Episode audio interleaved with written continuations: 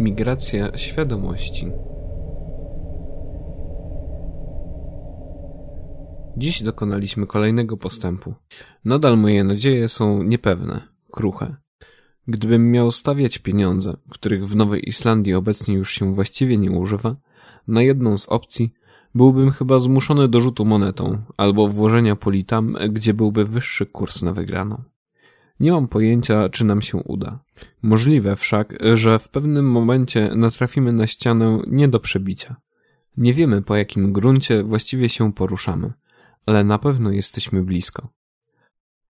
Przechadzam się po przestronnej, a czy na pierwszy rzut oka kameralnej sali, oddalonej o pół kilometra od budynku, w którym mieszkam. Większość osób potocznie nazywa to miejsce oazą, choć ja mówię raczej ogród. To słowo wśród naszej społeczności niemal wymarło. Rzadko się go używa poza literaturą, bo i miejsc, które można by tak określić, jest jak na lekarstwo. Najbardziej dziwi mnie fakt, że moje koleżanki i koledzy nie interesują się szczególnie urokami płynącymi z przebywania wśród flory, a już na pewno zupełnie nie pojmują mojego entuzjazmu w tej sprawie. Może nie powinno mnie to szokować, e, bowiem oni, w przeciwieństwie do mnie, nie posiadają żadnej żywej nostalgii za tego typu konstrukcjami.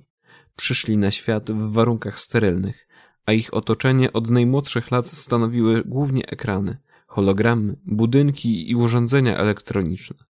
To zaskakujące. Do tej pory trwałem w przekonaniu, że pragnienie obcowania z naturą człowiek ma zakodowane w swoim DNA. Tymczasem, jak się okazało, przy odpowiednim wychowaniu i aplikowaniu określonych medykamentów stymulujących umysł, ta elementarna potrzeba znika. Cóż, u mnie nie zniknęła. Poza mną labirynty ogrodów przemierza regularnie tylko jedna osoba, jednak w tej chwili jestem tutaj sam. Podchodzę do liściastej, zielonej rośliny i ostrożnie ją dotykam. Paproć. Choć to głupie, w pewien sposób czuję z nią więź. Też jest tutaj niemal od wieczności, myślę. Mimo, że przecież to nieprawda, bo ten konkretny osobnik jest o wiele młodszy niż jego przodkowie. A gdyby brać pod uwagę żywotność gatunku, także człowiek wcale nie jest już taki skromny starzem na ziemi. Ale lubię tak myśleć. Budzi się wtedy we mnie na nowo poeta, co do którego byłem przekonany, że dawno temu napisał swój ostatni wiersz. To miłe uczucie, chwilowe oderwanie od rzeczywistości, w pewnym sensie zaspokojenie potrzeb duchowych. Poszczególne gatunki wymierają, ale życie zawsze znajdzie sposób, by przetrwać. Ja także szukam sposobu dla ludzkości. Robię to z pomocą środków nieporównywalnie bardziej zaawansowanych niż te wykorzystywane przez rośliny i inne zwierzęta, a jednocześnie nieskończenie bardziej karkołomnych i niewydajnych. Jakby na siłę. Może naszym przeznaczeniem jest umrzeć? Może ewolucja ma już w zanadrzu nowe pomysły na wygenerowanie istoty doskonałej, korony stworzenia? Wreszcie, może koniec człowieka oznaczałby także koniec mojej tułaczki przez czas i przestrzeń? Nie wiem tego, ale dopóki nie wiem, czuję się w obowiązku próbować. Rośliny umiejscowiono w pewnej odległości od wyznaczonej dla odwiedzających ścieżki. Tyle tylko, że nikt tego miejsca nie pilnuje. Rzadko ktoś zagląda do pieczołowicie podtrzymywanego przy życiu ogrodu, a nawet jeśli przeważnie jestem to ja. Przebywanie tu działa na mnie uspokajająco i motywująco. Pomaga utrzymać kontakt z rzeczywistością. Niemal cała reszta populacji wyspy ten kontakt utrzymuje innymi sposobami lekami antydepresyjnymi i podnoszącymi poziom endorfin. Ludzkość zgromadzona na Islandii jest bardzo wątła. Trzymają nas przy życiu chemikalia i technologie. Wszystko sztuczne, wszystko sprawia wrażenie ostatnich desek ratunku. Kiedyś jako gatunek byliśmy okrutni i niesprawiedliwi, ale przynajmniej w pewien sposób potężni. Dziś jesteśmy po prostu mizerni. Przynajmniej do czasu, aż nie zrealizujemy przystani. Znam każdy okaz w tym ogrodzie. Agawa amerykańska, bardzo ładna, z żółto-zielonymi liśćmi. Kwitnie raz w życiu. Kawałek dalej Sansevieria. Podobna do agawy, znakomicie oczyszcza powietrze. Bokarnea odgięta, niezwykle wytrzymała, nie do zdarcia. Nie jestem fanatykiem botaniki, ale fascynują mnie te organizmy. Każdy z nich jest małym cudem, trybikiem ekosystemu. odnogą ewolucji. Przystosowują się, wydają potomstwo, umierają. Jedne gatunki zostają wyparte przez inne, albo po prostu przestają istnieć. Czasem przypadkiem, czasem od niedawna w wyniku działalności człowieka, bogactwo życia. Czy naprawdę jesteśmy na tyle wyjątkowi, żeby wbrew logice walczyć o pozostanie w tej grze? Do tej pory wynikały z tego jedynie tragedie dla całej reszty puli ewolucyjnej. Myślę o tym i nie wiem. Dlatego staram się jednak nie myśleć, a działać.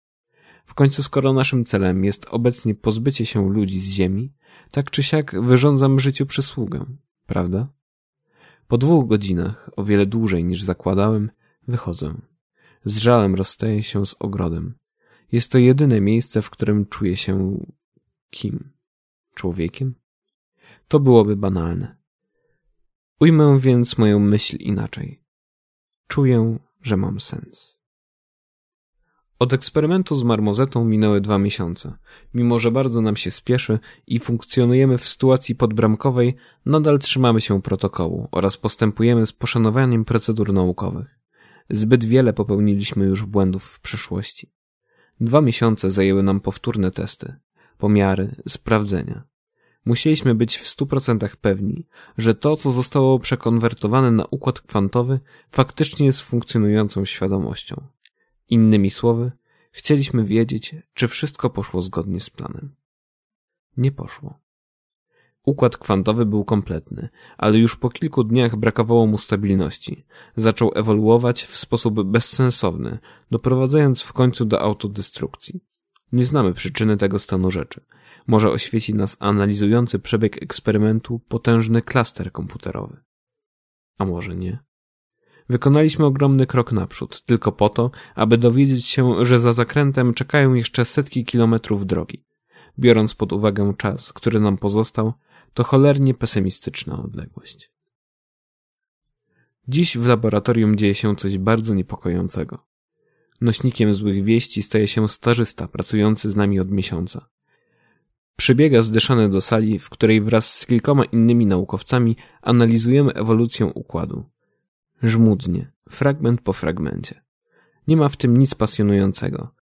Żywot naukowca to w ogóle lata nudy i rutyny przeplatane momentami, o których pisze się potem w książkach. Młodzieniec wygląda bardzo dziecinnie, jak nastolatek. To też pierwszą reakcją naczelnych szyderców na zziajanego posłańca jest pytanie, czy za budynkiem uniwersytetu odbywa się jakaś bijatyka, o której chciałby donieść. Zaiste, nazwijcie mnie sentymentalnym. Ale moim zdaniem poczucie humoru na przestrzeni dziesiątek tysięcy lat zaliczyło regres. Starzysta jest jednak bardzo poważny, łapie oddech i mówi. Coś jest nie tak z tą marmozetą. To wystarcza, by ugasić jakiekolwiek dalsze docinki. Szybkim krokiem zmierzamy do pomieszczenia, w którym stoi klatka ze zwierzęciem. Małpka już pierwszego dnia po eksperymencie zdawała się być wyjątkowo osowiała, ale do tej pory zgodnie uważaliśmy, że to z powodu przemęczenia. Cała procedura zgrania umysłu do układu kwantowego trwała dwa dni. Po trzech tygodniach odzyskała wigor, choć pojawiły się u niej napady dziwnego otępienia trwającego kilka sekund. Zwierzę potrafiło spokojnie jeść, by nagle wypuścić owoc z drobnej rączki i ocknąć się po chwili w oszołomieniu, jakby nie pamiętając, co przed chwilą robiło. Skrupulatnie notowaliśmy te obserwacje, ale byliśmy dalece od niepokoju. W końcu, poza tą drobną dolegliwością, nasz królik doświadczalny funkcjonował jak dawniej. Kiedy wpadamy do sali z klatką, widzimy marmozetę w stanie spokojnym. Najwyraźniej wzięło ją na posiłek. Czerwony sok spływa jej po przednich kończynach. I wszystko byłoby w porządku, gdyby nie fakt, że posiłek stanowiła kończyna tylnie. Marmozeta je swoją własną nogę. Przez dobre pół minuty stoimy oszołomieni w bezruchu. W końcu zbieram się na odwagę i robię krok naprzód.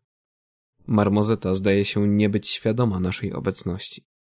Kontynuuje posiłek, siedząc niedbale w rosnącej kałuży krwi. Ubieram rękawicę ochronną i przez moment przyglądam się jeszcze zwierzęciu. Następnie decyduję się otworzyć drzwiczki. Bądźcie w gotowości.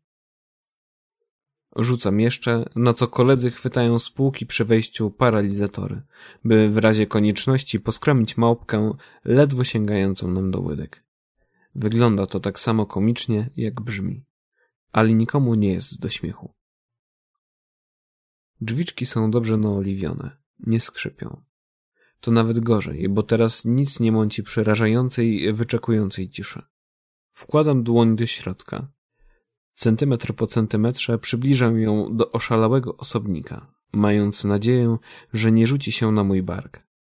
Na szczęście zwierzę jest spokojne. Reaguje łagodnie.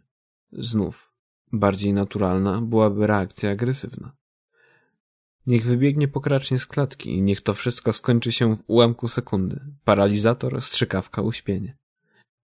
Tymczasem koszmar trwa w najlepsze i nigdzie mu się nie śpieszy.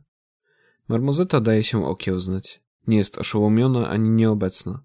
Po prostu niezwykle zajęta makabrycznym posiłkiem. Nie śmiem próbować jej go zabrać. Ostrożnie wycofuję rękę i zamykam klatkę. Dopiero teraz uświadamiam sobie, że moje działanie było zupełnie niepotrzebne, bo co mogłem nim osiągnąć? I czemu nikt mnie nie powstrzymał? Szokujący widok najwyraźniej sprawił, że sami wpadliśmy w otępienie. Dyskutujemy o możliwości uśpienia, ale namyślamy się zbyt długo. Kwadrans później zwierzę wykrwawia się na śmierć. Nie sprawia wrażenia cierpiącego. Gdybym miał bawić się w personifikatora, powiedziałbym, że w jego oczach pojawia się ulga. Po dwudziestu minutach w laboratorium zbiera się cały sztab badawczy. To jedno z tych natychmiastowych wezwań poza godzinami pracy. Wyjątkowo nieprzyjemne, choć i jednocześnie piekielnie intrygujące. Jak spektakularny wypadek transportowy. Nie możesz na niego patrzeć, ale nie sposób oderwać od niego wzroku. Odwdzięczam się Judith za wprowadzenie mnie w szczegóły poprzedniego nagłego zajścia i na uboczu tłumaczę jej ze szczegółami, co się stało. Jakież ona ma ładne włosy, myślę sobie, choć nie ma w tym żadnego pożądania ani podtekstu. Po prostu chcę uciec z myślami do czegoś przyjemniejszego. Judith poprawia okulary. To typowy dla Nitik, gdy nie wie, co powiedzieć. Dłoń, która zawędrowała ku oprawkom, nie wraca na swoje miejsce, Zostaje ostrożnie ściśnięta w pięść i przysłania usta. Oczy delikatnie się przymykają. Jak ja to wszystko dobrze znam. Odpowiadając na samo nasuwające się pytanie czytelnika. Nie wiem, czy nadal coś do niej czuję.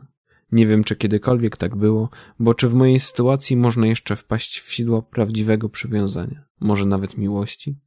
Przecież to z definicji wymaga głupoty, dłuższej chwili zapomnienia, romantyzmu. Dla mnie świat jest dawno rozwiązanym równaniem. Jestem zbyt przenikliwy, zbyt cyniczny, zbyt nieludzki. Nie wiem więc, kim naprawdę dla mnie jest. Wiem, że patrzenie na nią teraz uspokaja mnie i sprawia przyjemność, że gdy w końcu wracamy na ziemię, czuję delikatne rozczarowanie. Macie już podejrzenia, dlaczego to się stało? Pyta. W zadawaniu głupich pytań właśnie wyszłaś na remis. Mówię i czekam, aż połączy tę sytuację z wątkiem sprzed kilku tygodni. Uśmiecha się. Dołeczki w policzkach, spuszczony wzrok. Aczkolwiek ciągnę. Ty dobrze znasz moje podejrzenia. To znaczy? Mówiłem ci o nich lata temu. Judith przytakuje. Opiera się ostrożnie o ścianę. Więc może twój ukochany drenaż jednak się do czegoś przyda. Zauważa i na wpół smutno, na wpół zuchwale patrzy mi w oczy. Co w nich widzi? Wiele bym dał, by poznać odpowiedź na tę zagadkę.